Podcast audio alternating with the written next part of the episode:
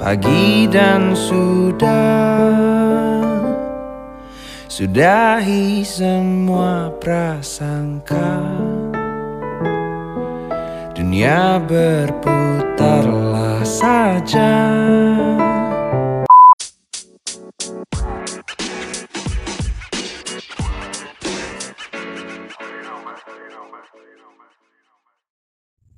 Halo halo, yay, ketemu lagi di dengerin sebentar podcast, dengerin sebentar, nanti juga paham sama aku Angga Rizkif.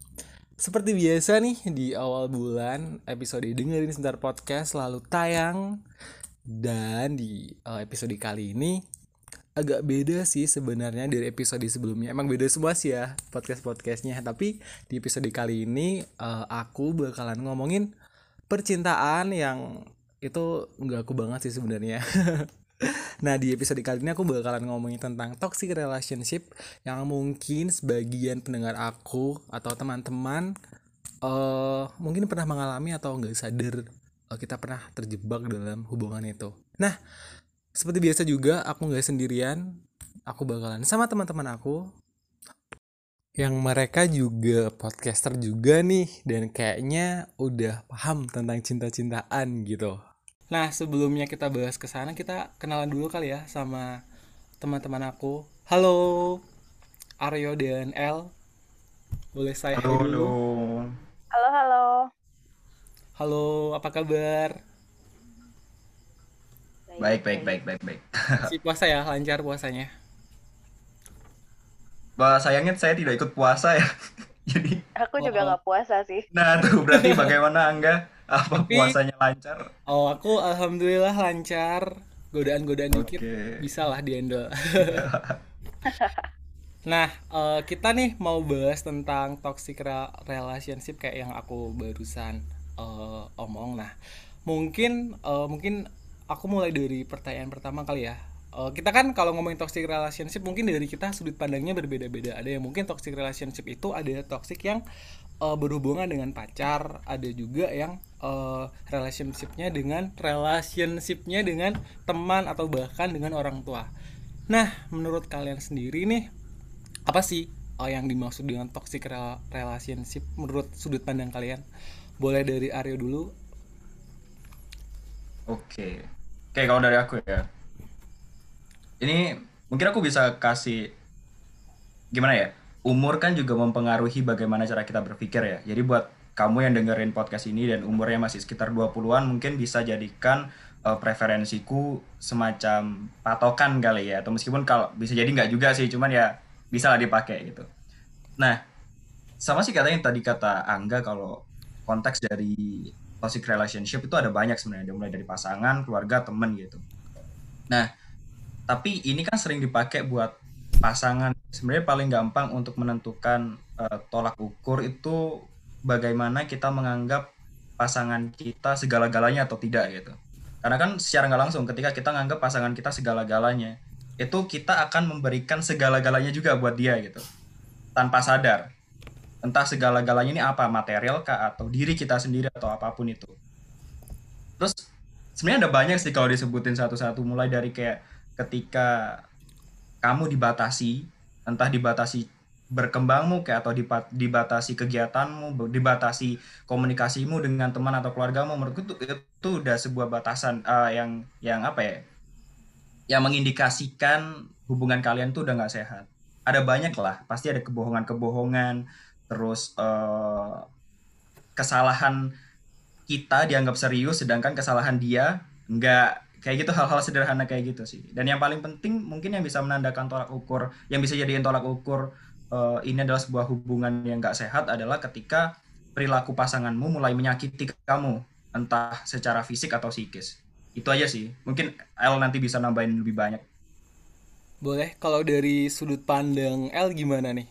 Apa sih menurut kamu eh, sebuah apa namanya hubungan bisa dianggap toxic relationship Eh, beracun dan yang tadi kayak disebutin oleh Arya kalau misalnya eh, apa namanya sama-sama nggak ngenakin sama-sama eh, kedua kedua belah pihaknya tuh apa nggak sinkron gitu Kalau dari aku sih sebenarnya hampir mirip sih sama Aryo. Jadi lebih ke ya batasan. Terus mungkin kalau di toxic relationship sih kayak lebih kalau dari versi aku itu lebih kayak apa ya posesif kayak gitu loh. Jadi kan karena apalagi aku dari pihak cewek ya, kadang kita pacaran gitu ada banyak tuh cowok yang posesifnya tuh banget banget dan baru ketahuan posesif itu setelah kita berhubungan berapa lama kayak gitu kan. Jadi apalagi misalnya si cewek ini misalnya dari segi fisik juga bisa dilihat wah ini oke okay, gitu dan cowoknya yang tadinya awal-awal masih uh, ngerasa nyaman berhubungan terus lama-lama kayak mulai insecure gitu loh takut kayak wah nanti cewek gue selingkuh nih atau gimana atau digangguin. Terus mulailah dia membatasi dari pertemanan dari bahkan bisa membatasi pekerjaan gitu. Kayak gitu sih kalau menurut aku. Jadi kayak uh, kita uh, kita kan kalau misalnya ngomongin relationship kan berhubungan ya. Harusnya kan dua-duanya sama-sama uh, menguntungkan sama-sama maksudnya sama-sama ya namanya hubungan harus kedua belah pihak saling menguntungkan gitu kan.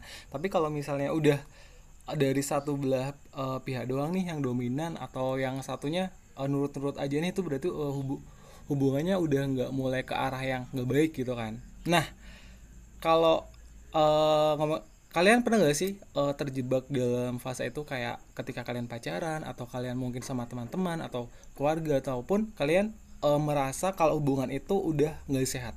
Atau mungkin teman-teman di sekitar kalian yang uh, kalian merasakan dampak dari toxic relationshipnya kayak gitu. Maksudnya mereka tuh hubungannya udah nggak sehat udah nggak baik-baik aja nih. Uh, habis itu kita jadi kena dampaknya kayak tadi teman-temannya itu kayak membatasi pergerakan kita. Kita harus yang nggak boleh ini nggak boleh itu. Pernah nggak sih kayak, atau nggak dari kalian sendiri malah pernah menyadari kalau aduh pacar gue udah nggak sehat nih kayak gini. Pacar gue udah atau gue nya sendiri kayak aduh kenapa gue kayak gini ya? Tapi itu setelah berjalan setelah kita disadarkan oleh uh, sekitar-sekitar kita. Kita nggak sadar tapi kita sadar itu setelah tembakan-tembakan atau teman-teman yang mulai kita menjauh karena perilaku kita gitu. Pernah nggak sih kalian merasakan dalam fase kayak gitu? Dari aku sih pernah. Boleh boleh ya. Aku pernah jadi uh, cerita dikit ya. Jadi beberapa tahun lalu gitu ya. Mungkin lagi umur-umur labil lah gitu pacaran waktu zaman kuliah awalnya kenalnya baik gitu tapi ya ternyata setelah kita pacaran ternyata tuh toksiknya dia lebih kayak uh, gampang main tangan gitu hmm. jadi benar-benar kasar banget gitu kalau dia marah ke orang lain tuh yang kena kayak lampiasinnya ke aku gitu jadi bisa kadang pukulan, tendangan dan segala macam gitu. Jadi aku tuh berasa bola gitu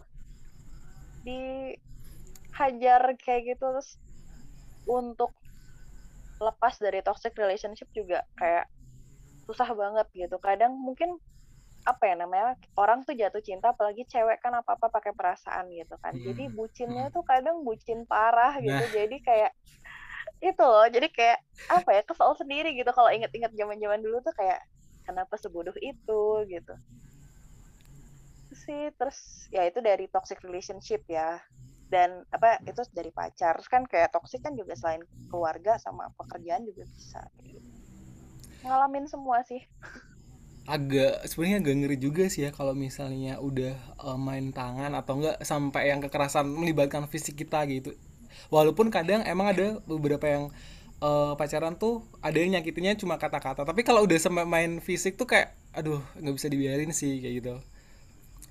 Kalau dari Adoy sendiri gimana nih pernah nggak atau kamu adalah uh, kalau tadi kan si Al kan korban ya atau kamu sebagai pelaku nih jangan-jangan sebagai pelaku kayak gitu uh, ini sih mungkin eh, yang pernah jadi pelaku juga sih tuh nah Aduh. tuh langsung dijelasin tuh kan sama El ini mungkin ini mungkin udah jadi stigma kali ya hmm. uh, ketika suatu hubungan dalam suatu hubungan itu dianggap dalam mungkin toxic uh, toxic relationship ya langsung ya kita hmm. spesifikasi itu hmm. itu cowok yang selalu dominan gitu. Cowok yang selalu mengatur segalanya cowok yang memimpin uh, berjalannya hubungan itu gitu. Jadi secara nggak langsung eh, laki-laki uh, akan dianggap sebagai uh, pelakunya gitu dan perempuan sebagai korbannya gitu. Mungkin memang itu yang uh, normalnya terjadi gitu ya atau kebanyakan terjadi. Cuman dalam kasusku itu emang bukan kayak per, uh, main tangan kayak atau menghina atau ngebatasi pekerjaanku emang nggak kayak gitu. Tapi jatuhnya eh, pasanganku mantan ya lebih tepat ya Hmm. mantan itu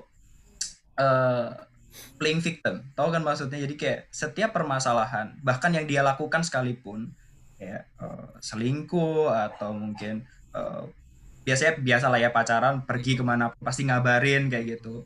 Hmm. itu dia nggak mm, membuat seakan-akan aku yang bersalah. Entah dia mulai dari nangis atau cerita ke temennya cerita ke orang tuaku atau apa pun kayak gitu. Hmm.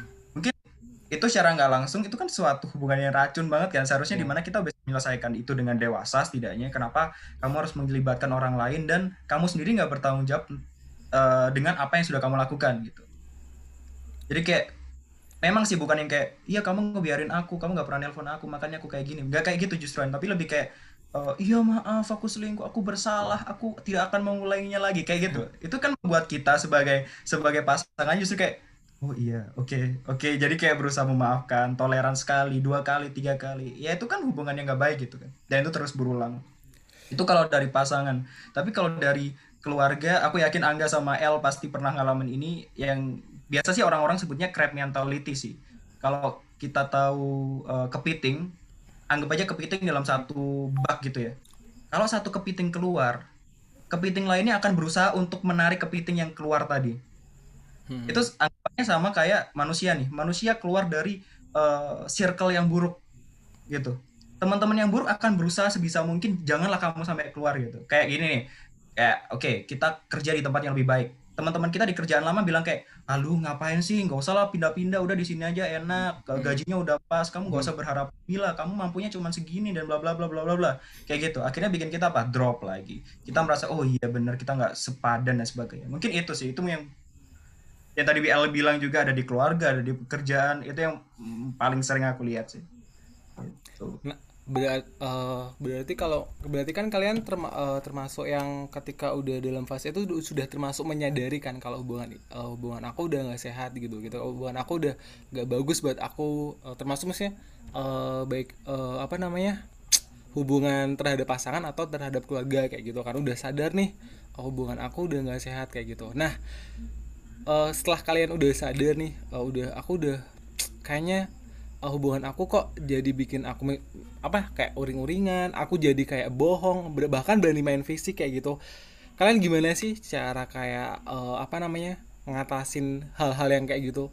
Dan aku tadi lumayan ini sih eh, El bilang kalau misalnya dari pihak perempuan pernah juga melakukan tindakan fisik terhadap eh, laki-lakinya. Tapi kalau eh, sudut pandang aku yang nggak tahu nih ya kadang cewek sampai berani melakukan hal-hal yang sudah main time tuh menurut aku sudah keterlaluan dari cowoknya sih kayak gitu sih kalau dari aku. Maksudnya dia mungkin udah keterlaluan eh, mungkin dia udah selingkuh di depan mata sendiri abis itu aku kepergok lihat sendiri kayak gitu terus ya udahlah hajar aja sekalian di sini. Balik kalau cewek udah marah kan kayak lepas aja nggak peduli gue di eh, muka om pokoknya lu salah terus gue lu salah gue apa namanya Eh, gue malu malu maluin lah gitulah intinya kayak gitu. Kalau dari cewek kalau dari setahu aku cewek sampai berani kayak gitu mungkin eh, udah sampai tahap yang sangat keterlaluan sih mungkin cowoknya apakah seperti itu? Jadi ceritanya ya, eh kenapa apa yang aku bilang sampai jadi pelaku tuh, Hmm. jadi di hubungan yang aku sama mantanku itu, eh kalau diinget-inget ya, dua-duanya tuh sama-sama playing victim gitu. Jadi cuma eh, apa ya, maksudnya untuk parah apa enggaknya kan relatif ya. Cuma kalau sampai main fisik itu kan yang udah nggak bisa ditoleransi gitu kan. Nah, jadi aku pernah juga sih bales mukul karena bener-bener aku udah nggak kuat gitu. Jadi kayak selama berbulan-bulan hubungan kayak gitu terus, eh, bener-bener hal yang gak ngenakin banget. Terus juga toksiknya pun bahkan sampai kayak setiap hari ke aku minta uang bensin, uang pulsa kayak Aduh. gitu. Jadi aku berasa kayak ya ampun ini kok gimana gitu ya rasanya tuh ya apa ya kayak udah kesel banget gitu dan mungkin kayak udah lebih ke udah numpuk gitu jadi dari mantan-mantan aku yang sebelumnya juga kan pada sukanya selingkuh dan segala Hmm. macam gitu. Padahal aku tuh termasuk orang yang bucin banget gitu. Hmm, jadi hmm, udah bucin banget pasti diselingkuin gitu. Kecuali aku cuek gitu ya. Jadi hmm. kalau misalnya cewek cuek kan kadang cowok juga ih kok cewek gue kayak nggak perhatian banget nih atau gimana gitu kan. Hmm. aku juga sampai bingung kok ya suka apa selingkuh gitu. Jadi mungkin kayak udah setelah aku putus sama mantan aku yang ini begitu aku pacaran lagi memulai hubungan lagi malah akhirnya karena akumulasi luka-luka yang sebelumnya udah Jadi numpuk kayak nih sini ya, gitu kan udah numpuk gitu kan jadi kayak Langsung nabung aja, lah jadi iya. bom waktu akhirnya akulah yang jadi toxic gitu di hubungan berikut-berikutnya jadi kayak dikit-dikit tuh ngecek handphonenya atau Hmm. gimana kayak gitu karena aku bener-bener ngerasa insecure banget gitu kan karena aku juga di satu sisi kita juga nggak mau disakitin. Kayak gitu kan. Cuma Hmm. eh, kita berusaha percaya tapi di saat berusaha percaya itu ada titik di mana kita kayak insecure-nya tuh balik lagi kayak gitu. Jadinya kan ini banget sih nggak enak banget. Kayak jadi tuh kayak merasa ini mungkin ya kayak apa sih eh, gue sebenarnya layak gak sih buat disayang sama lu? Gue s- eh, layak gak sih dicintai sama lu? Ke- ah, sa- salah gue tuh apa sih sampai segininya gitu Iya gak sih iya kayak saking apa ya kayak ya Hmm. ampun gue kurang baik apa lagi Iya. gitu udah bucin udah segala macam iya bener bener bener bener. ibaratnya aku sampai sebucinnya aku tuh kayak saking loyalnya gitu jadi bahkan kalau eh ya udah kalau makan di mana ya udah aku bayarin dulu nggak apa-apa atau gimana jadi Hmm. sampai ke materi itu aku loyal banget gitu dan ternyata malah jadi dimanfaatin terus ya udah kayak banyaklah hal-hal yang bener-bener toksik juga gitu Kalau eh, kalian sendiri nih tipe-tipe orang yang posesif banget gitu gak sih sama pasangan? Kadang kan menurut aku posesif itu sih, eh, salah eh, salah satu hal penyebab utama banget buat eh, terjadinya eh, toxic relationship itu. Aku juga termasuk dulu tuh aku bener-bener ya Allah posesif banget bener-bener yang dia nggak boleh. Pokoknya kamu nggak boleh chat sama yang lain. Pokoknya kamu nggak boleh di jam segini kamu udah sama aku. Kamu nggak boleh chat sama yang lain. Eh, kalau kamu eh, jalan sama dia harus ada cowok yang lain. Bener-bener yang posesif posesifnya sebegitu posesif gitu karena aku takut kalau dia suka sama lain ntar aku sama siapa gitu ya. Itu sama bener eh, kayak insecure aku gitu. Aku merasa kayak dia doang yang bener-bener sayang sama aku jadi aku nggak mau ngelepas dia kayak gitu. Itu bener-bener menurut aku salah satu penyebab juga eh, apa namanya yang jadi jadi apa namanya terjadinya toxic relationship itu. Dan itu malah jadi bumerang sendiri aku buat aku gitu loh. Akhirnya aku malah yang mutusin eh, saking aku nggak percayanya sama dia gitu gitu dan setelah eh, ke sini sini makin sadar oh ya ternyata aku kalau mencintai orang atau suka sama orang ya udah sih secukupnya. Dia juga punya dia punya teman dia punya keluarga dia punya apa namanya hal-hal yang harus dia kerjakan. Nggak cuma aku doang yang doang nih yang diperhatiin kayak gitu. Ya nggak sih? Kadang kan kita tuh sebagai pacar tuh kadang pengen memiliki memiliki dia seutuhnya gitu kan. Pokoknya cuma aku doang buat aku doang waktunya kayak gitu pak. Kita nggak sadar kalau misalnya dia juga punya dunia lain selain kita kayak gitu sih. Aku dulu eh, apa eh, apa namanya akhirnya aku sadar kalau wah oh iya ya dunia itu nggak cuma buat gue doang kalau pacaran kayak gitu. Oke, kalau aku sendiri ya, ya beruntungnya aku bukan orang yang yang apa ya posesif ya, lebih Hmm. tepatnya ya menuhi cuek parah sih sebenarnya. Jadi tapi tapi ya aku yakin semua cowok-cowok pasti cuek itu udah udah mendasar ya, udah mendarah daging gitu kan. Cuman ada kan ada batasan di mana ya ini pasangan kita, kita harus tahu, kita harus tahu gimana cara jaganya, kita harus tahu bagaimana menyenangkan dia kan kayak gitu. Cuman eh, selama mungkin kejujuran kali sebenarnya ke- kejujuran terus percaya yang harus ditekanin. Kalau kita nggak percaya sama dia, gimana dia bisa percaya sama kita? Kan segampang itu kan. Hmm, Kalau memang kenyataannya kita dibohongin gitu, ternyata dia selingkuh kayak atau ternyata dia melakukan hal yang di luar dari perjanjian hubungan kita gitu, ya berarti dia bukan orang yang tepat. Udah gitu aja, segampang itu sebenarnya kan. Cuman ya kan kita berusaha untuk mendapatkan yang terbaik untuk kita gitu.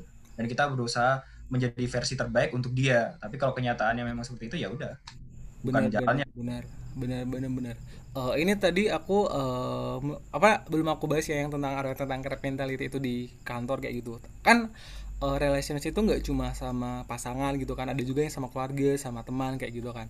Dan aku salah satu sebenarnya yang buat aku yang eh, aku sama pacarku yang sekarang gitu gitu sampai sampai sekarang nggak terlalu yang sampai parah gitu atau eh, hubungan aku masih yang baik-baik aja. Tapi aku mengalami fase di mana eh, relationship aku sama teman-teman kantorku sama te- eh, atasanku sama bawahanku tuh kayak eh, apa bener yang crab mental itu loh kita nggak boleh keluar dari kerjaan ini. Kamu harus di sini aja deh emang kamu bisa nih eh, apa namanya setelah kamu keluar dari sini nanti eh, dapat pekerjaan yang lebih baik lagi kayak gitu. Kayak ngompor-ngomporin buat apa namanya tetap di sini. Padahal di sini udah suasananya kondisi udah udah nggak udah nggak memungkinkan buat bertahan di situ kayak gitu.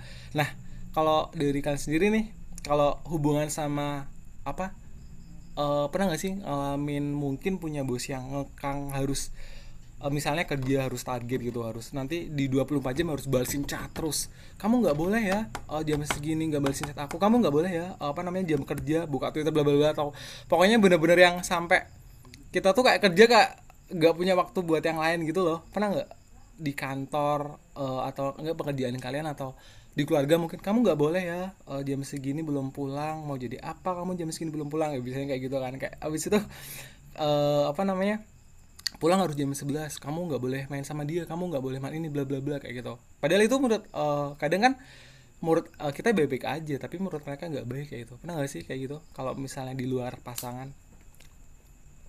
Kalau aku mungkin karena tipikal orang yang cukup bebal ya dan apa orangnya tuh terlalu rebel banget gitu. Jadi apa ya aturan-aturan kayak misalnya di rumah gitu kan. Oh nggak boleh pulang jam segini. Hmm. Nggak boleh pulang malam. Ya udah aku pulang pagi kayak gitu. Jadi kayak terlalu rebel sih. semakin dilarang semakin berani gitu ya Ya semakin berani kayak misalnya apalagi anak cewek ya. hmm. eh kita kan dari lahir memang udah ditindik dua tuh. Hmm.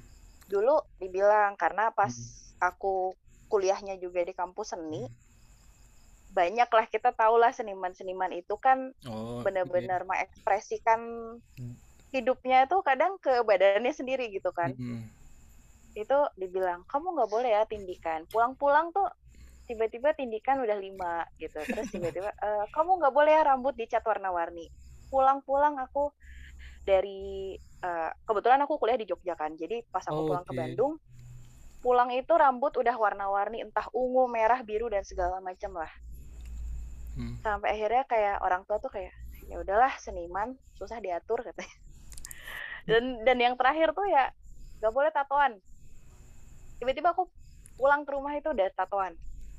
Jadi kayak apa ya semakin dilarang tuh justru malah semakin aku mau menembus batasan itu gitu. Di pekerjaan pun kalau aku ya di pekerjaan tipikalnya itu eh emang sih aku kayak di kerjaan kita pasti sih pernah buka YouTube lah, Instagram dan segala macam gitu kan, sosial media. Cuma aku itu memang eh, prinsipnya kalau di kerjaan lebih ke kalau aku target A, selesain itu dulu, baru aku ngerjain yang lain gitu. Tapi kalau pas lagi kerjaannya kebetulan eh research tentang sosial media kayak gitu atau YouTube. Nah, researchnya sih jalan, tapi keasikan gitu loh. Jadi harusnya dua jam selesai, aku malah 8 jam itu masih sibuk dengan nontonin YouTube gitu. Jadi kayak kelupaan gitu loh. Kayak gitu sih. Ya mungkin aku karena orangnya terlalu rebel kali ya. Jadi eh, susah diatur. Jadi yang paling eh, relate di aku cuma le- lebih ke larangan-larangan di waktu pacaran aja gitu. Kayak aku sampai nggak punya temen gitu karena aku Mhm. dari dulu kan memang lebih nyaman temenan sama cowok gitu Mhm. karena aku eh gak sukanya sama temenan sama cewek-cewek tuh kadang terlalu baperan gitu kalau cewek tuh jadi aku kan orangnya belak-belakan Hmm. jadi kalau aku ngomong sesuatu hal yang eh, misalnya aku nggak suka nih sama kamu gitu karena kamu melakukan kesalahan atau hal-hal yang aku nggak serap itu kayak mereka tuh langsung baper gitu. Jadi aku seringnya temenan sama cowok. Nah pas sama mantanku itu aku nggak boleh sama sekali berhubungan sama mereka. Aduh. jadi handphone aku tuh bener-bener yang namanya handphone itu dicek. Jadi kayak apa ya bener-bener dikekangnya tuh banget lah gitu. Bahkan temen kampus yang kita sekelas wajar dong kita ketemu di luar misalnya di tempat makan atau di mana deket kampus Hmm. say hi gitu. Wah itu udah marah-marah sampai segitunya dibatasinnya gitu. Tapi nggak tahu ya karena bucin jadi otaknya tuh udah nggak ada gitu. Bucin itu emang iya sih bucin itu juga salah satu yang buat kita aduh bucin susah sih. Kalau udah bucin nah dunia milik gue sama lu doang pokoknya nggak ada yang lain. Sakit pun dijalanin ya. Ya benar benar benar benar benar benar. Kalau dari ada sendiri gimana toh perhubungan selain dengan pasangan? Ini 10 menit lagi sebelum nanti kalau Mas Aryo ngomong aja nanti misalnya eh, apa namanya tiba-tiba habis ntar aku bikin room lagi untuk pertanyaan selanjutnya. Mana mana amin. Kalau aku pribadi sebenarnya kalau pekerjaan beruntungnya sih masih nggak ada ya. Mungkin karena karena perusahaan yang aku kerja di dalamnya itu mayoritas anak-anak muda di mana mereka udah aware tuh sama yang namanya eh, psikologi eh, para employee-nya atau orang yang bekerja sama mereka kayak gitu. Kalau pekerjaan sih untungnya aman. Cuman kalau keluarga ya kita tahu lah nggak semuanya keluarga terbuka gitu. Aku beruntung aku punya keluarga inti yang suportif gitu. Tapi kan selain keluarga inti kan ada keluarga lain kan, keluarga dari orang tua orang tua kita di mana kayak aku ambil kuliah di Bali selalu ditanya ngapain kuliah jauh-jauh di Bali mau jadi apa dan sebagainya atau mungkin eh, mungkin KL juga eh, ngerasain kalau ngapain kuliah seni mau jadi apa? Ya hal-hal kayak gitu tuh kan udah udah basic banget gitu kan udah kita dengar dan mungkin aku sama eh, L udah ah udah masuk kuping kiri keluar kuping kanan udah nggak peduli sama mereka. Yang penting kita ngelakuin apa yang kita mau apa yang kita yakini gitu kan. Cuman kenyataannya itu cukup mengganggu loh. Karena mereka tidak mengatakan hal itu untuk mereka sendiri tapi mereka berusaha untuk mempengaruhi orang-orang yang lain keluarga-keluarga yang lain atau mungkin ponakan-ponakan yang lain. Yang akhirnya yang awalnya melihat kita sebagai eh, orang yang patut dihormati gitu ya itu akhirnya jadi kayak ah, ngapain sih sama Aryo? Biarin lah gitu. Udah bla bla ya kayak gitu. Basic banget sih keluarga Indonesia kan ya. Iya, benar benar benar. Iya sih, kalau kalau aduh ada keluarga aku lagi nanti dengar kalau aku ngomong. Tapi aku adalah tipe-tipe yang eh, justru gini sih, eh, kadang tuh pengennya kayak semakin di sama eh, semakin dilawan, eh, semakin di nggak bolehin ini itu semakin kita ngelawan kayak gitu. Tapi jatuhnya kita tuh jadi kayak eh, sering bohong, jadi kayak kita sendiri yang kena gitu nggak sih? Kayak misalnya aku jadi misalnya eh harusnya pulang jam 7 terus aku bilang ya udah deh nanti aku jam eh 5 pulang kayak gitu. Pokoknya jadi kayak merugikan sendiri diri sendiri tapi kayak jatuhnya kayak gimana ya? Kayak apa ya? Eh kita tuh kayak ciptain bohong kebohongan kebohongan lain gitu loh ya gak sih? Kalau misalnya kita ntar jadinya eh, Jadi ntar jadinya kita kita yang jadi toxic buat keluarga iya kita. benar jadi toxic sendiri kak. Kita yang beracun buat mereka kayak gitu karena lah apa namanya malah tindakan-tindakan kita jadi kayak eh, kasar dan eh, apa namanya yang lain-lain gitu loh oke.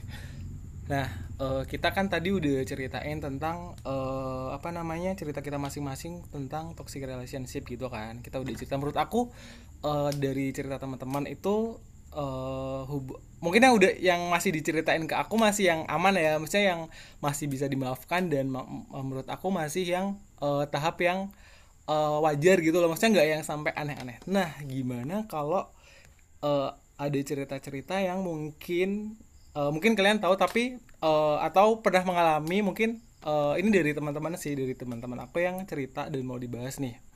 Sebenarnya kalau oke eh, sebenarnya sebenarnya kalau ngomongin eh, toxic relationship tadi kan kekerasannya eh, apa namanya fisik dan kata-kata gitu kan kalimat-kalimat yang menyakiti hati mungkin kayak itu tadi kata-katain. Tapi gimana kalau eh, toxic relationshipnya itu udah sampai tahap ke kekerasan seksual atau bahkan sampai eh eh nama pacar eh, namanya pacaran kan eh, apa namanya ada yang tukar-tukaran password lah habis itu tukar-tukaran WhatsApp lah tukar-tukaran apa namanya Instagram lah pokoknya bener-bener bahkan sampai ada nih di Twitter yang sampai dipasangin CCTV-nya kayak gitu kan. Itu kan udah kayak yang creepy banget ya kayak hidup gue sel- apa namanya kayak diawasin lu gitu gue nggak boleh ngapa-ngapain gitu kan. Itu udah menurut aku udah yang sampai yang bahaya banget gitu kan. Nah ini ada eh, cerita nih gitu kan.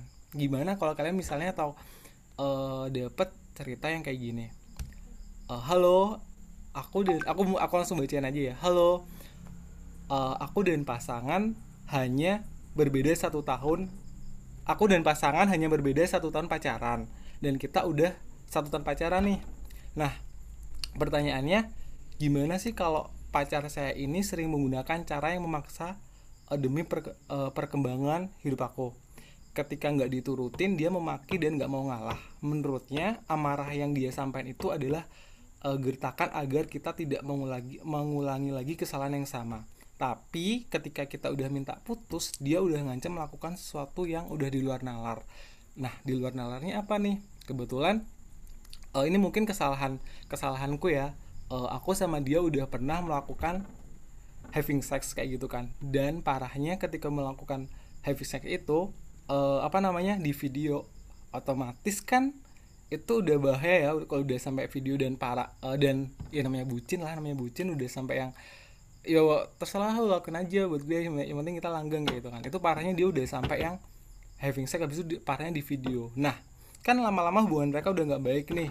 Nah eh, si cowok ini udah kayak dominasi banget ceweknya. Habis itu eh, dia sampai kan dia udah istilahnya dia udah punya kuncinya lu gitu kan. Dia eh, apa namanya eh lu udah berani eh ngewe sama gue terus gue videoin kalau putus sama gue ya udah eh, terima aja. Video kita bakal disebarin kayak gitu. Kalau bagi cowok mungkin ya it's fine gitu lah. Gimana kalau cewek videonya disebar di internet habis itu itu kan udah termasuk kekerasan pertama udah ke, eh, apa namanya udah dikata-katain udah di caci maki bla bla bla. Habis itu yang kedua setelah problemnya sekarang adalah dia menyebarkan videonya gitu. Itu itu udah sampai yang menurut aku tahap paling ekstrim sih kalau misalnya eh, hubungan sampai yang having sex. Habis itu udah punya videonya kayak gitu. Terus habis itu kalau nggak mau putus disebarin kayak gitu. Itu kan sumpah itu gimana coba kayak gitu. Apalagi kalau cowok-cowok sekarang kan ya ya cowok sekarang kan udah nekat apalagi udah bucin udah nekat nggak mau apa namanya nggak mau yang apa namanya nggak mau disalahin atau yang lain eh, dia tetap berani ngelakuin yang dia mau asal eh, hasrat yang dia penuh itu kesampaian gitu loh. Dan paling level ekstrimnya lagi adalah sampai yang bunuh diri kalau misalnya banyak kan eh, kasus-kasus yang cintanya ditolak habis itu bunuh diri kayak gitu bunuh diri sutet lah atau apalah kayak gitu. Itu udah menurut aku udah level yang paling ekstrim. Nah kalau kalian dari eh, sudut pandang kalian sendiri nih gitu atau mungkin teman-teman sekitar kalian gitu atau eh, mungkin pernah juga kayak itu gimana sih cara kalian mengatasi diri kayak gitu itu kan udah parah banget ya levelnya dari siapa dulu mungkin boleh silahkan El dulu atau aku dulu? Mewakili hati Pak. Arya dulu boleh Aryo dulu deh nggak apa-apa. Oke oke. Kalau dari aku dulu ya. eh ini aku bakal bagi jadi dua kali ya. Mungkin pendengarnya ini gak cuma sebagai Hmm. sebagai pelaku atau korban, tapi juga sebagai temannya gitu kayak gimana. Hmm. Kalau sebagai pelaku nih, kamu yang ada di dalam hubungan yang seperti itu. Aku mungkin nggak spesifik soal kasus yang ini tadi ya. Hmm. Kalau spesifik kasus yang ini tadi sebenarnya ada banyak yang dipelajari. Yang pertama adalah melakukan hubungan seks itu atas mau dan eh, atas satu sama gimana ya suka sama suka kan? Hmm. Dua-duanya sama-sama mau kan sama-sama menyetujui Hmm. jadi kalau kalau bilang itu kekerasan seksual sepertinya nggak salah gitu karena dua-duanya mungkin udah dewasa dan melakukan hal itu atas kesepakatan gitu. Hmm. nah kedua yang terlalu sorry banget terlalu salah ya terlalu bodoh mungkin menurutku. Itu adalah bikin video gitu loh. Or, siapa? Siapa yang bikin? Kan buat kenang-kenangan gitu mungkin kayak kalau mungkin mereka pikirnya Gi, kita bakal sampai nikah kok gitu. Kayak mungkin gue bakal tanggung jawab lah kayak gitu. Kan namanya sudah bucin sudah sampai mungkin mungkin ini yang perlu dipelajari kali ya. Buat teman-teman cowok yang mungkin sepantaran sama aku yang mungkin pikirannya masih labil ya. Ketika kamu mencintai seseorang itu pasti kamu akan melakukan yang terbaik gitu. Kamu men kamu menghormati dia sebagai perempuan dan kamu eh, menghargai dia sebagai perempuan gitu. Kamu nggak akan melakukan hal-hal buruk yang akan membuat dia menyesal eh, menyesali kemudian hari gitu. Jadi ketika dia sudah sudah membuat kamu turun ya downgrade jatuh dan tidak gak percaya gak percaya diri lagi. Menurutku itu udah bentuk bahwa dia nggak mencintai kamu. Itu udah stop di situ ya. Cuman kalau bahas soal aku tadi ya gimana caranya untuk nanggepin hal kayak gini? Yang pertama adalah kamu tahu bahwa itu salah. Itu yang paling utama gitu. Percuma percuma orang-orang lain teman-temanmu keluargamu ngomong kalau itu salah apa pacarmu nggak boleh kayak gitu dan bla bla bla bla. Tapi kalau kita sendiri nggak paham bahwa itu adalah sebuah kesalahan ya percuma gitu kan kamu nggak akan bisa dibantu kalau kamu sendiri nggak minta bantuan.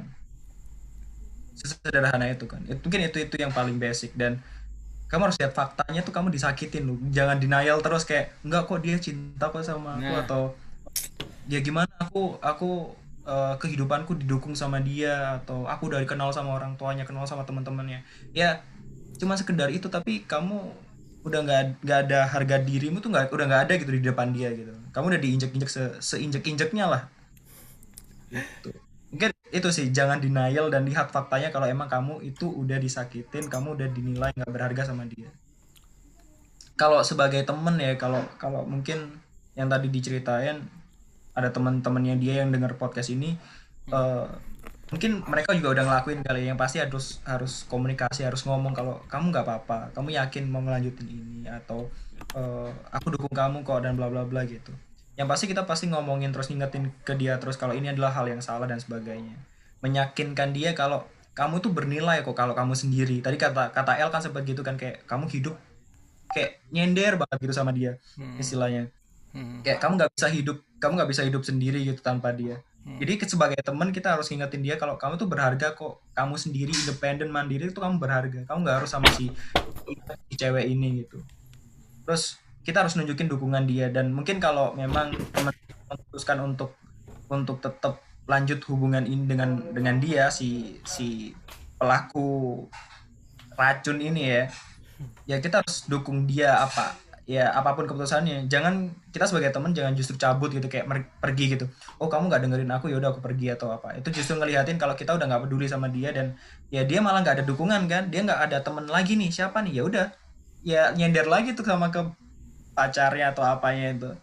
Gitu. Jadi nggak selesai selesai kan malahan. Itu sih kalau aku. Mungkin kalau L bisa nambahin. Ya, kalau dari L, bagaimana kalau melihat kasus yang tadi gitu kan? Atau apalagi mungkin eh, sebagai cewek kayak misalnya nih, ya jangan sampai gitu. Kayak anjir, gue udah melakukan kebodohan apa nih sampai dulu ketika kita melakukan itu direkam dan ini adalah maksudnya jadi bumerang malahan buat aku kayak gitu loh. Ya kan kalau udah apalagi kalau udah sampai masuk ke internet gitu kan ya udah abadi di sana kan nggak mungkin tuh misalnya udah udah ke upload ya udah abadi di sana gitu kan itu kan efeknya bener-bener yang sampai Eh, mungkin kalau misalnya udah aduh udah misalnya terlanjur udah eh, kesebar gitu kan bisa buat kita stres atau sampai bunuh diri kayak gitu kan tuh benar-benar yang sangat-sangat bahaya banget kan. Padahal udah tahu ya tadi itu kalau itu udah racun loh buat kamu. Kenapa sih kamu masih eh, pertahanin aja kayak gitu?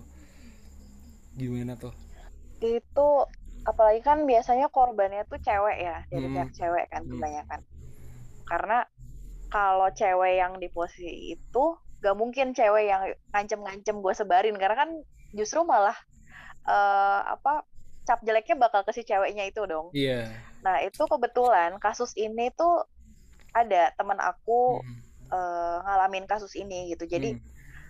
eh, untuk kalau sebagai korban ya hampir mirip sih sama Aryo. Jadi apa ya kita ke depannya. Jadi untuk lebih apa ya lebih jadi pelajaran lah buat kita ke depannya. Jadi untuk cewek-cewek yang dengerin podcast ini eh ke depannya itu kalau kita pacaran sebucin-bucinnya kamu please eh, pakai logika juga, pakai otak gitu. Jadi mungkin bucin untuk hal-hal lain nggak apa-apa kali ya. Tapi kalau misalnya udah sampai ke hal-hal yang sensitif misalnya kayak hubungan seksual dan segala macam eh, itu lebih dipikir lagi gitu.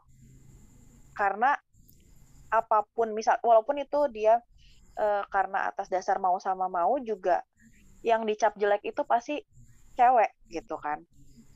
Jadi lebih berhati-hati aja dan eh, apa ya tolong dipakai logikanya gitu.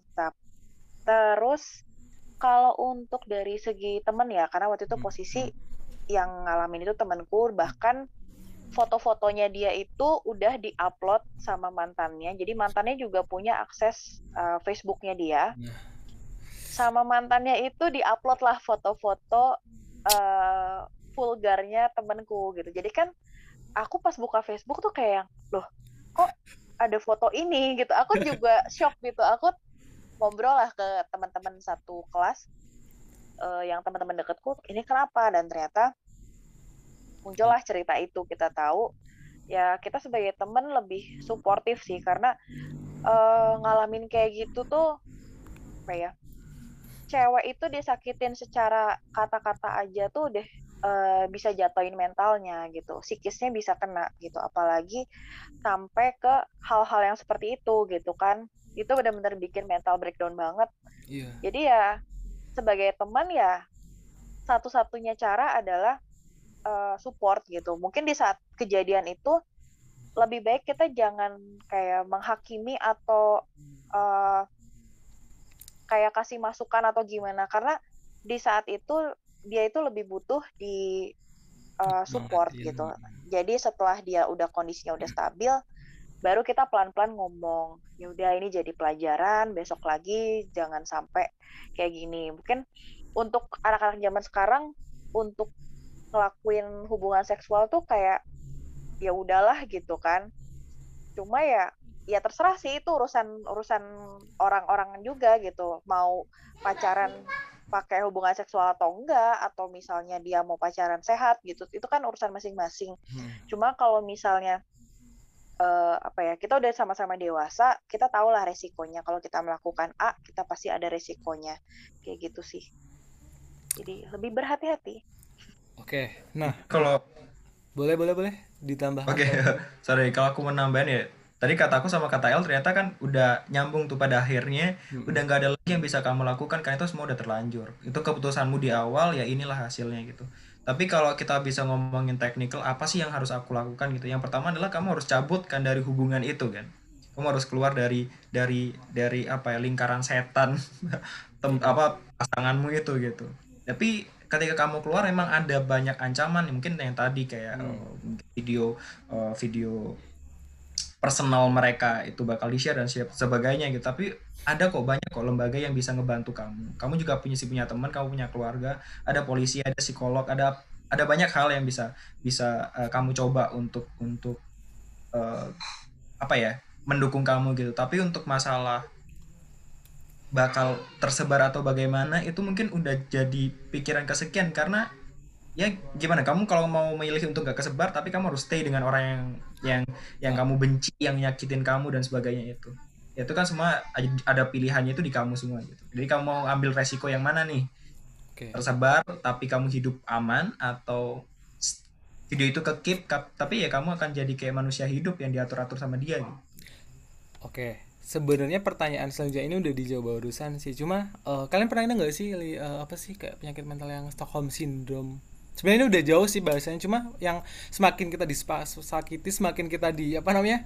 Semakin kita di apa namanya? Yaitu disakiti orang kita tuh malah jatuh cinta sama dia gitu loh. Pernah nggak sih eh tahu istilah itu yang masuk masuk juga pokoknya intinya kalau semakin dia disa- eh, apa kor biasanya tuh udah sampai level ekstrim sih kayak korban penculikan bla bla bla kayak yang bener-bener ketika dia disakiti malah dia merasa dilindungi oleh dia gitu loh ya nggak sih kan banyak juga nih eh, kita udah tahu faktanya mungkin eh, apa namanya itu udah salah. Eh, kamu udah ini udah kamu udah disebarin bla bla tapi kok kamu masih sayang aja sih sama dia kayak gitu. Kamu masih tetap bertahan aja sih sama dia kayak apa oh nasihat nasihat kita yang eh, kita sampein gitu tetap nggak digubris saking dia cintanya nih sama orang kayak gitu. Nah menurut kalian apa sih sebenarnya hal-hal yang eh, bisa bang- eh, apa buat seseorang itu benar-benar tetap bertahan dalam toxic relationshipnya itu. Benar-benar yang udah beracun udah tahu nih ngeyel tetap batu tetap aja bertahan kayak gitu. Apa sih yang buat eh, hal-hal yang mungkin menurut maksudnya mau tetap masuk akal ya eh, dia tuh eh, apa namanya tetap cinta banget tuh sama dia nggak bisa lepas kayak gitu. Padahal menurut aku eh, justru nanti bahayanya emang di dia sih sebenarnya ketika udah dia lepas malah dia yang jadi pelakunya untuk eh, selanjutnya selanjutnya gitu loh. Apa sih? Terus habis itu eh, pertanyaan terakhirnya juga eh, gimana sih sebenarnya kita kita juga dari kita sendiri nih bisa bener-bener lepas dari namanya toxic relationship? Baik dari pasangan dari orang tua kantor atau apa pun. Bener-bener yang lepas semua kayak gitu gimana sih caranya? Hal-hal yang mungkin eh, bisa diterapi nih kayak gitu. Biar kita hubungan yang sehat-sehat aja lah banyak kok hubungan-hubungan eh, yang eh, sehat-sehat aja bikin kita fun nggak harus kok yang kayak gini kayak gitu. Kita kan eh, ini sebenarnya masih tahap pacaran ya apalagi kalau misalnya udah nikah eh ternyata nih pas nik udah nikah ketahuan nih sifat aslinya. Yang apa namanya dia melakukan KDRT lah gitu-gitu. Tapi kan kalau udah no, no, ngomongin pernik- pernikahan dan udah pernikahan nih habis itu dia eh, terjadinya yaitu kekerasan tadi itu. Tapi kan dia tetap harus bertahan dong demi anak demi keluarga demi yang lain-lain kayak gitu. Dia nggak mau misalnya dia masih muda dia harus jadi janda bla bla bla kayak gitu. Gimana sih menurut kalian teman-teman? Dari L dulu mungkin? Eh apa ya? Kalau aku jawab yang ini deh yang terakhir ya. Gimana caranya lepas dari toxic Mhm, relationship mhm, itu? Eh pertama itu yang paling penting adalah menurut aku adalah eh, belajar memaafkan diri sendiri dulu. Karena kalau kita belum bisa memaafkan diri sendiri, belum bisa berdamai sama diri sendiri, itu untuk memaafkan orang lain itu jauh lebih susah gitu kan. Jadi pertama belajar berdamai sama diri sendiri dulu. Kedua uh, belajar memaafkan orang yang udah nyakitin kita gitu. Si mantan kita itu atau mungkin teman atau keluarga. Uh, ketiga itu adalah kita harus uh, punya komitmen sih menurutku. Karena kalau misalnya cuma sekedar, aduh karena aku dari hubungan yang toksik nih, aku pengen lepas. Kalau kitanya nggak komitmen ya, jadi kayak sekedar kayak pelarian itu bakal balik lagi sih ke toksiknya lagi itu kan. Tapi kalau kita memang udah komit kita mau uh, improve diri kita untuk jadi orang yang lebih baik, itu pasti bakal apa ya? Hal-hal yang toksik yang memang udah pernah kita rasain tuh kita bukan denial tapi kita justru jadi jadi ini tuh sebuah pelajaran dan bakal jadi lebih baik lagi gitu. Bakal lebih berubah gitu. Gitu sih kayak contohnya ya contoh nyata nih uh, kalau boleh cerita dikit. Aku yang dulunya ada di lingkungan yang toxic relationship gitu baik aku sebagai korban dan sebagai pelaku juga di saat aku bisa berdamai dengan diri sendiri dan aku bisa memaafkan mantan mantanku dan aku juga komit aku mau uh, jadi orang yang lebih baik lagi aku percaya sih gitu kayak uh, Tuhan tuh kayak nggak akan pernah apa ya kita udah pernah jatuh gitu kan nggak mungkin kita dibiarin jatuh terus gitu hmm. dan pasti suatu saat kita bakal dikasih orang yang bener-bener sayang sama kita tuh tulus dan bahkan bisa menerima masa lalu kita gitu. Bisa menerima kekurangan kita. Dan itu ada satu saat di mana kita bakal ketemu sama orang yang seperti itu. Dan akhirnya kalau dianya udah positif dan kitanya juga udah positif itu udah dijamin lah kita bakal bisa lepas dari toxic relationship gitu. Karena istilahnya toxic relationship itu kan kita yang buat sendiri gitu sebenarnya. Yeah. hmm. ya kan? Kalau misalnya kita bisa mengatasi itu otomatis si toxicnya juga bakal hilang gitu jadi percayalah teman-teman yang sedang terjebak uh, toxic relationship atau korban toxic relationship suatu saat kalian pasti bisa lepas total dan kalian bisa menemukan orang-orang yang super duper baik buat kehidupan kalian ke depannya. Itu aja sih. Aryo gimana? Waduh, kayak berasa ditagi nih jawaban. Oke, kalau kalau dari aku ya soal pertanyaan yang pertama gitu. Hmm. Kok ada sih orang-orang yang yang bisa bertahan dalam dalam sebuah hubungan yang yang nggak baik ini gitu. Menurutku yang pertama itu uh, ketika kita nggak percaya diri nih ketika kita nggak percaya kita nggak percaya diri akhirnya kita berusaha mencari orang yang bisa menghargai kita gitu.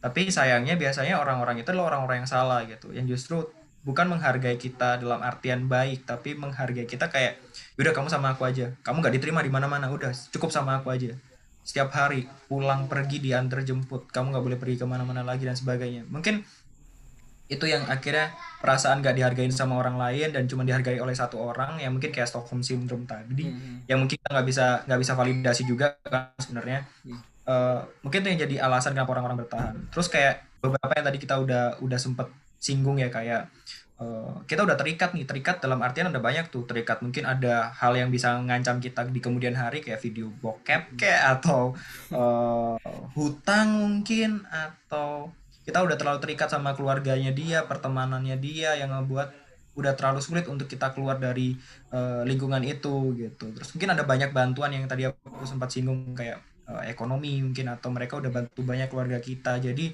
sebagai gantinya ya udah kita ngasih diri kita buat dia gitu.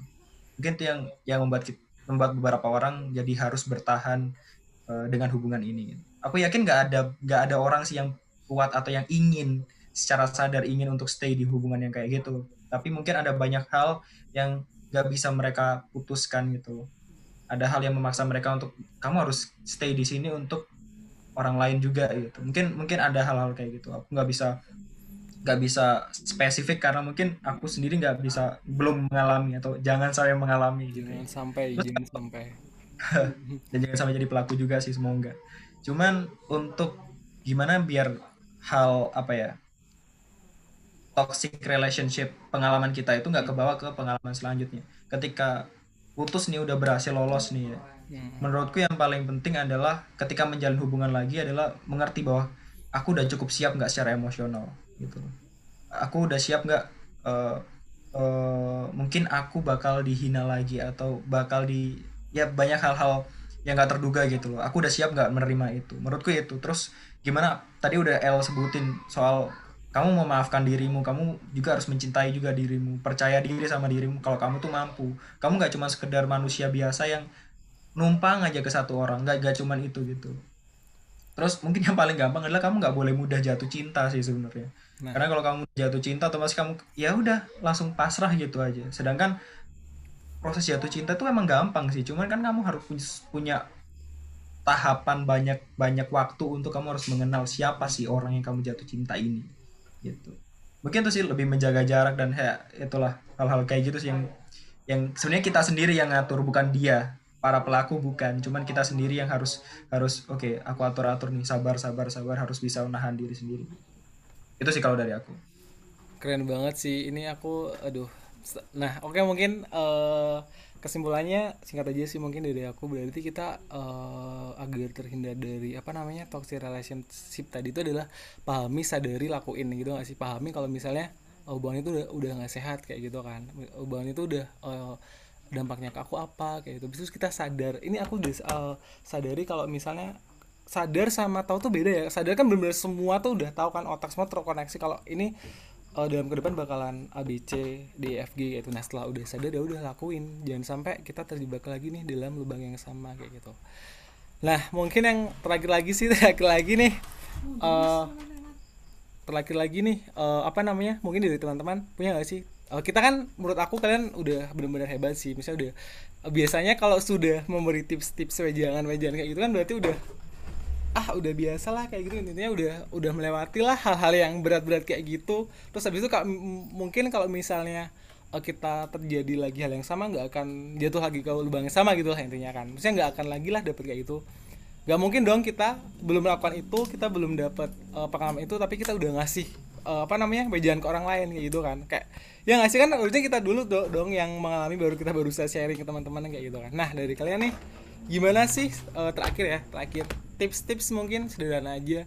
Biar hubungan kita sama pasangan kita sama pacar kita keluarga kita atau siapa pun itu tetap terjaga tetap eh, apa namanya tetap yang romantis lah tetap yang ngabarin lah tetap yang eh, makin sayang lah kayak gitu. Mungkin hal- hal-hal kecil kan ada yang mungkin terlupain terus kita nggak sadar. Dan itu mungkin bisa jadi itu memperkuat eh, apa namanya memperkuat ini memperkuat eh, hubungan kita ke depannya. Bahkan mungkin sampai menikah sampai punya anak dan lain-lain kayak gitu. Ada nggak sih tips-tips dari kalian yang sederhana hal kecil yang mungkin nggak aku pikirin teman-teman pikirin tapi ini loh eh, sama pasangan aku sekarang bisa awet nih udah nggak ada lagi tuh toksik toksikan nggak ada lagi tuh racun-racunan gitu. Yang ada ya madu lah kan racun dan madu kan biasanya.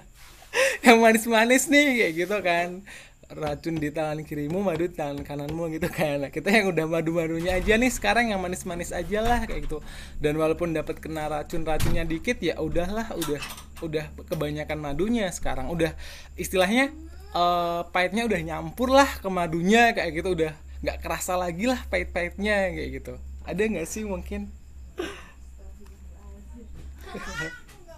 El aku. Boleh dari L dulu mungkin Kalau aku ya, eh apa ya? Pertama ya kita harus selesaiin eh, diri kita sendiri dulu kan, karena ya sama kayak tadi juga Aryo bilang untuk memulai hal yang baru itu kita harus siap dulu gitu. Nah terus kalau kita eh, mau hubungan yang madu-madunya aja nih, tapi ya gimana ya? Namanya hubungan itu tuh pasti akan ada konflik. Hmm. Jadi eh pertama kalau misalnya kita ngadepin konflik ya, itu kita cari cara penyelesaian yang benar-benar bagus gitu. Jadi dikomunikasikan, jangan yang begitu ada masalah langsung eh didiemin lah atau misalnya ngilang atau gimana. Jadi kalau memang ada konflik, selesaikan. Itu setiap pasangan pasti punya cara menyelesaikan konfliknya dengan cara yang berbeda gitu. Mungkin ada yang langsung saat itu juga langsung mau diselesaikan, ada juga yang ya udah kita tunggu uh, calm down dulu tunggu tenang dulu baru kita diselesaikan. Itu kalau untuk konflik. Terus Hmm. untuk yang kedua sih jaga komunikasi aja gitu. Baik yang dia LDR ataupun uh, satu kota gitu ya satu uh, satu daerah lah. Mm-mm. komunikasi harus dijaga. Jadi eh apa ya karena kan ada beberapa cara komunikasi gitu kan Ada ya yang mungkin ada pasangan yang baru chat kayak Jadi gitu ada- kuat. iya ada chat gitu. Itu balik lagi ke kesepakatan di saat kita mau memulai hubungan gitu. Apakah kita mau chattingan yang setiap hari intens dan segala macam atau kita teleponan setiap hari segala macam atau mungkin chat atau telepon nggak terlalu intens tapi setidaknya kalau misalnya kita eh, mau pergi ke mana atau ada apa-apa setidaknya ngabarin.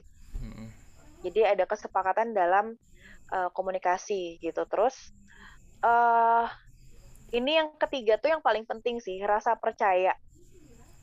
Itu rasa percaya tuh penting banget gitu karena kalau di saat kita memulai hubungan kalau kita nggak punya rasa percaya itu percuma gitu. Kita bakal curiga terus. Kita curiga ke pasangan kita dan kita juga insecure gitu kan.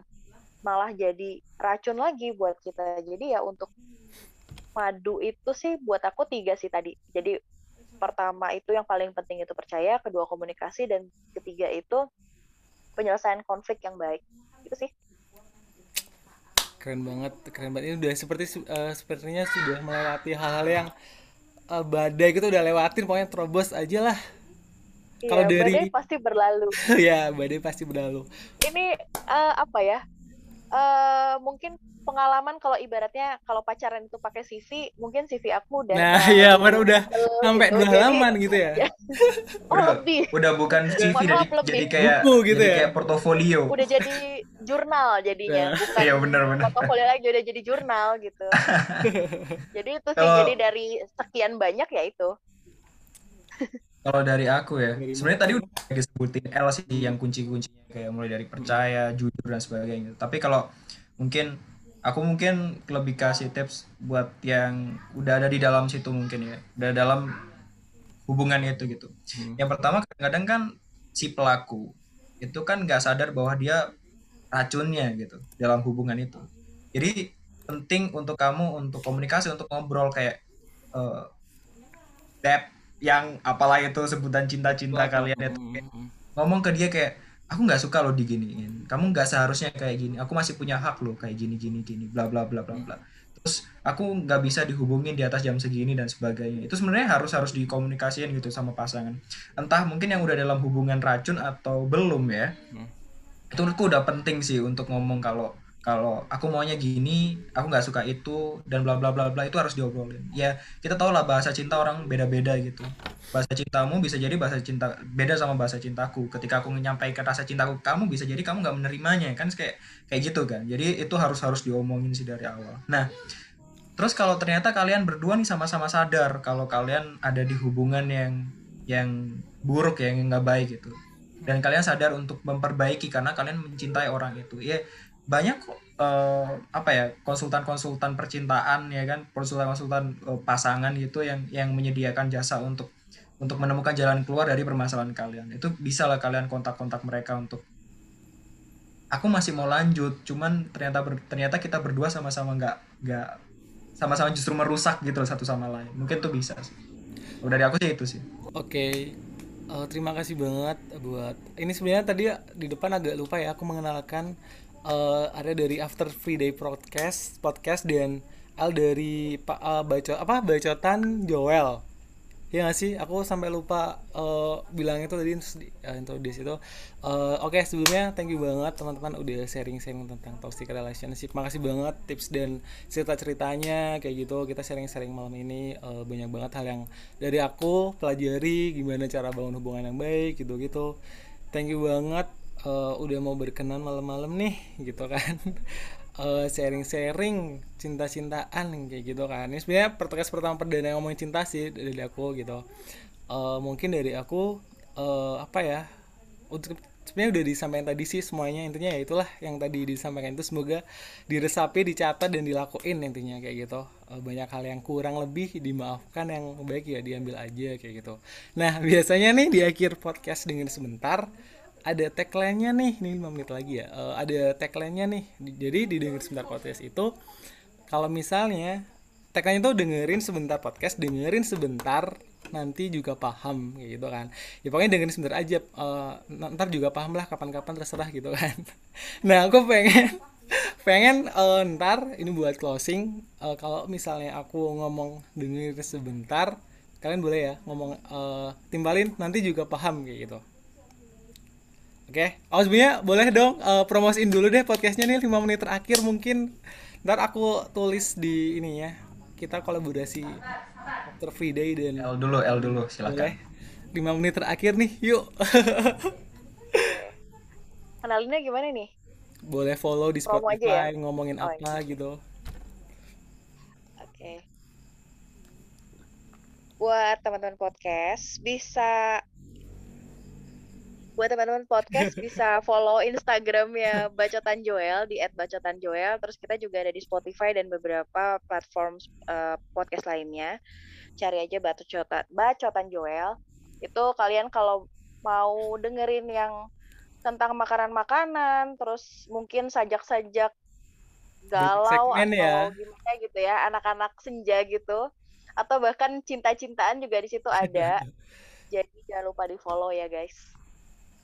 Oke, After Free Day nih, aku jujur suka After Day itu dia konsisten dengan temanya dan fotonya gitu loh. Kalau dari aku kan topiknya random. Kalau aku, maksudnya nggak random tapi lebih yang nggak satu apa ya kayak hal yang lagi tren tapi dikemasnya beda. Kalau After Day ini aku sukanya kayak cinta-cintaan gitu-gitu kayak eh, apa kehidupan sehari-hari gitu tuh dikemas pendek-pendek gitu lah intinya.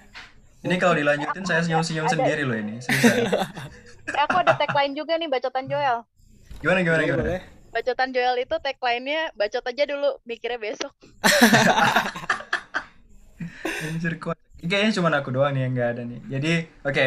Hai, aku Aryo. aku dari After Friday Podcast. Kalian bisa temuin After Friday di Instagram atau ya platform podcast lainnya. Di Spotify kita di After Friday ngomongin soal everything about 20s lah ya anak-anak 2000-an dan anak-anak yang masih umur 20-an sama kayak aku kita ngebahas soal ya pekerjaan, sekolah, eh, hal bodoh yang pasti dan bullshit yang sering diomongin anak-anak 20-an gitu. Kita bahas itu semua. Dan sama kayak namanya After Friday kita update setiap After Friday. Oke Aryo dan El sukses terus podcastnya. Semoga banyak yang denger Dan kita bisa kolaborasi lagi Ngomongin hal-hal yang seru lainnya. Dan terakhir nih Kayak yang tadi aku bilang Kalian eh, balesin tagline aku ya. Dengerin sebentar podcast eh, Dengerin sebentar.